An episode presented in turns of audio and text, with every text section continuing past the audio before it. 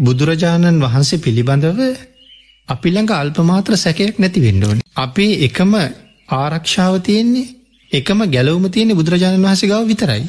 ඒක සීයට සීයක්ම අපි පිළිගන්න ඕනේ. බුදුරජාණන් වහන්සේ කියන්නේ කවුද?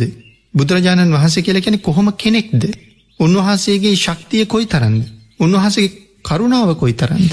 අපිට කොයි තරම්නම් අනුකම්පා කළාද? මේ කියන හැම කරුණක්ම දැනගෙන අපි බුදුරජාණන් වහන්සේට කාරුණික වෙන්න ඕනේ. අපි වෙනුවෙන් උන්වහන්සේ කොයිතරම් දුක් විඳලා තියෙනවද? අපි වෙනුවෙන් උන්වහන්සේ මොනතරම් කැප කිරීම කළාද? ආන්ගේ කාරණාව හරියටම දන්නේ නැති නිසා බුදුරජාණන් වහන්සේගේ ශක්තිය පිළිබඳව සඳහන් කරාම සමහර කෙනෙකුට ඒක විහිළුවක් වෙනවා. එහෙම වෙන්න පුළුවන්ද? ආන් ඒ පුද්ගලයන්ට අමතකයි උන්වහන්සේ අපිවාගේ නෙමෙයි මහාකල්ප අසංක්‍ය 20යි ලක්ෂ එකක් අප්‍රමාණ පාරමිතා පුරලා ඉන්නේ. මොනතරම් දන් දීලා විතරක් තියනවද? අහසේ කොයිතරම් තරු පායනවද? භාග්‍යතුන් වහන්සේම දේශනා කරනවා මේ අහසේ පායන තරු කැට ප්‍රමාණය කොච්චරද? ඒ තරුවලට වැඩිය මම්මගේ ඇස් දෙක දන් දීලා තියෙනවා කියලා. ඒ මගේ අතිම්ම ගලවලා අරගෙන මගේ කැමැත්තෙන්ම ගලවලා දෙන්න කියලා. මං එහෙම ඇස් දන් දුන්න කෙනෙක්. මගේ ලේ ප්‍රමාණය මේ ඉපදිච්ච සංසාරේ මං කොච්චර ලේ දුන්නද. භාගිතුන් වහන්සේම දේශනා කරනවා මහසාගරයේ ජලස්කන්දයට වඩා වැඩියෙන් මම ලේ දන්දීල තියෙනවා. මහ මුහුද ගාවට ගිහිල්ල කල්පනා කරල බලහම සතර මහාසාගරය කියල සඳහන් කළේ.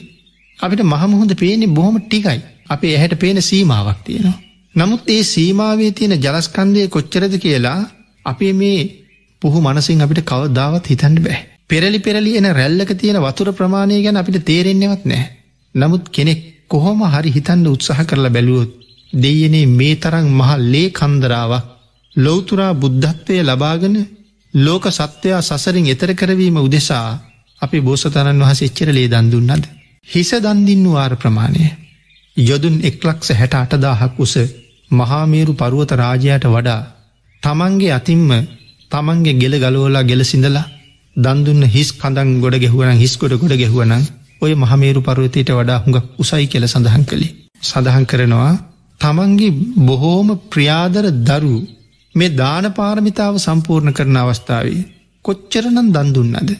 සේවකයෝ හැටියට දන්දුන්න වහල්ලු හැටියට දන්දුන්න යක්ෂයන්ට දුන්න වෘකයන්ට දුන්න කොටියන්ට දුන්න මෙහෙම මෙහෙම දරුවෝ දන් දෙන්න පුළුවන්ද මව්පියකුට. ඉතාම හුරතල් දරුව ඒවගේ මිතාම කීකරු දරුව මේ අපේ දරුවවාගේ දරුව ගැන නෙමෙයි මේ කතා කරන්නේ. ඉතාම කීකරු දරුව එකට එක කාරණාවක් විතරක් මම සේපත් කරනවා ජාලිය කුමාරයයි ක්‍රිෂ්ණජනා කුමාරියයි දන් දෙන්න සූදානන් වෙන වෙලාවේ. ජූතක බමුණ ඇවිල්ලා දානයක් ඉල්ලන බව දැනගත්තාම දන්න අපි දෙන්න දෙනවාද කියලා.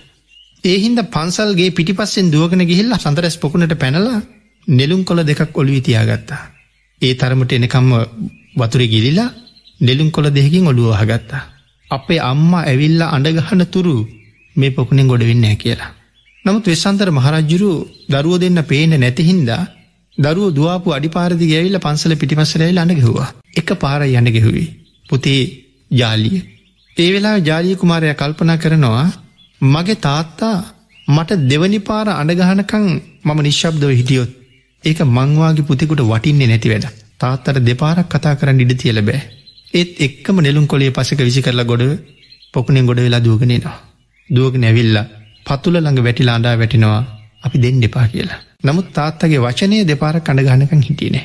වෙසන්ත රජ්ජුරු අහනවා පුතේ කෝ නංගි තාත්තේ මගේ නංගිත් මං වගේම පොකුණ හැංගිලා ඉන්නවා කියලා කියන්නේ නෑ. මේ අය නංගිට ඒ තරම් ආදරී නමුත් බොරු කියන්නෙත් නෑ.